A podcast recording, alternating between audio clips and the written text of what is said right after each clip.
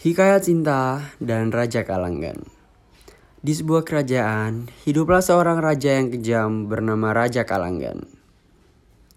Dia sangat gemar menikahi wanita di kerajaannya untuk kemudian dibunuh keesokan harinya.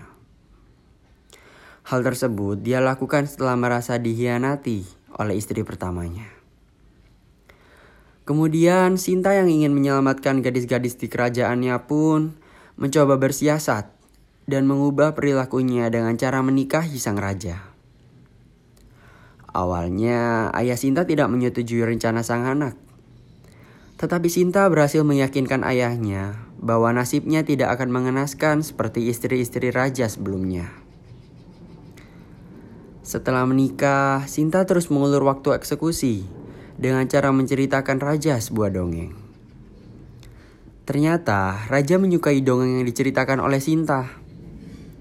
Saking serunya, tidak terasa hari sudah berganti dan waktu eksekusi pun telah tiba. Namun, Sinta yang cerdik kemudian berkata bahwa ceritanya akan dilanjutkan besok malam.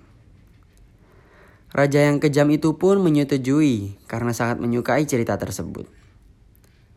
Dengan begitu, Sinta pun belum terbunuh karena ceritanya belum selesai. Tidak terasa, sudah 30 hari wanita tersebut bercerita kepada raja, hingga akhirnya dia melupakan hukuman mati kepada istrinya tersebut. Keberanian Sinta berbuah manis karena dia bisa menyelamatkan perempuan-perempuan lain di wilayahnya dan membuat Raja Kalanggan menjadi orang yang mencintai rakyatnya.